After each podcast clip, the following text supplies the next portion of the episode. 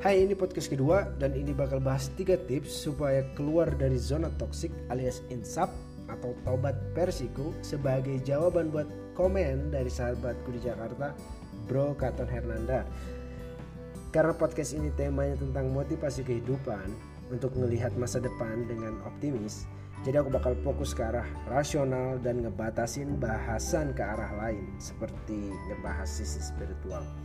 Dan jangan lupa podcast ini bakal diupdate setiap Jumat atau Sabtu di malam hari buat menghibur para jomblo dan penikmat suasana malam supaya lebih semangat besoknya. Oke, okay, let's do this. Pertama, find a good information about yourself and being lonely. Maksudku, kamu benar-benar harus sendiri. No relationship, no weekend, no party. Maybe for 14 days or 2 weeks. Um, lebih lebih lama lebih baik konsekuensinya kamu bakal ngerti kenapa harus butuh relationship, butuh orang lain, dan butuh sosial. Dan apakah itu hanya sebagai pengisi waktu luang atau selalu berbagi setiap waktu. Kedua, jangan pernah anggap orang baik di sekitarmu musuh.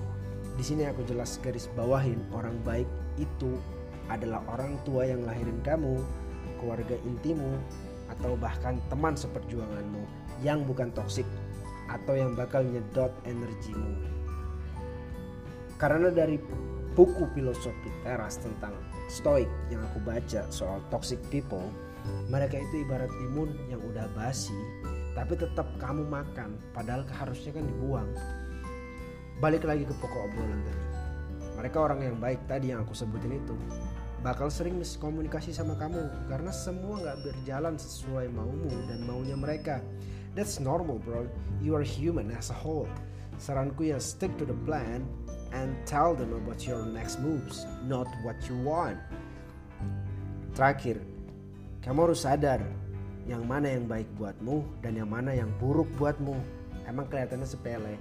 Dua hal itu nggak perlu kamu pikirin secara radikal sampai lima tahun ke depan tentang apa dampaknya buat kamu.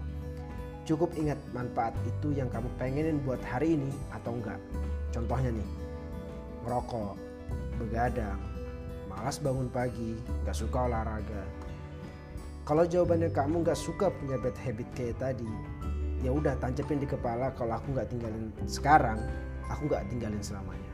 So, do it now or never. Oke, okay, kita bakal kumpulin tiga poin tadi yang udah berpengaruh secara emosional dan rasional untuk ninggalin hal sepele di hidupmu. Jadi masalah selalu ada dan gak pernah berhenti muncul. Pastikan kenalin dirimu sendiri untuk tahu ngadepin masalah pakai strategi atau karakter yang seperti apa. Once again, problem is always there. Terus, always make smart moves dan percaya kalau orang baik di sekitarmu pasti berusaha berbagi yang terbaik dan pastikan kamu terima kebaikan mereka. Dan jangan pernah jadi orang yang close minded atau otak sempit buat anggap mereka itu musuh. Juga selalu believe in good times ahead. Selalu percaya kalau di depan masih ada hal yang baik. Dan jangan pernah berpikir sedetik pun balik lagi mundur ke belakang. Oke, okay, thanks buat yang udah dengerin podcast ini. Kita ketemu lagi minggu depan. Bye bye.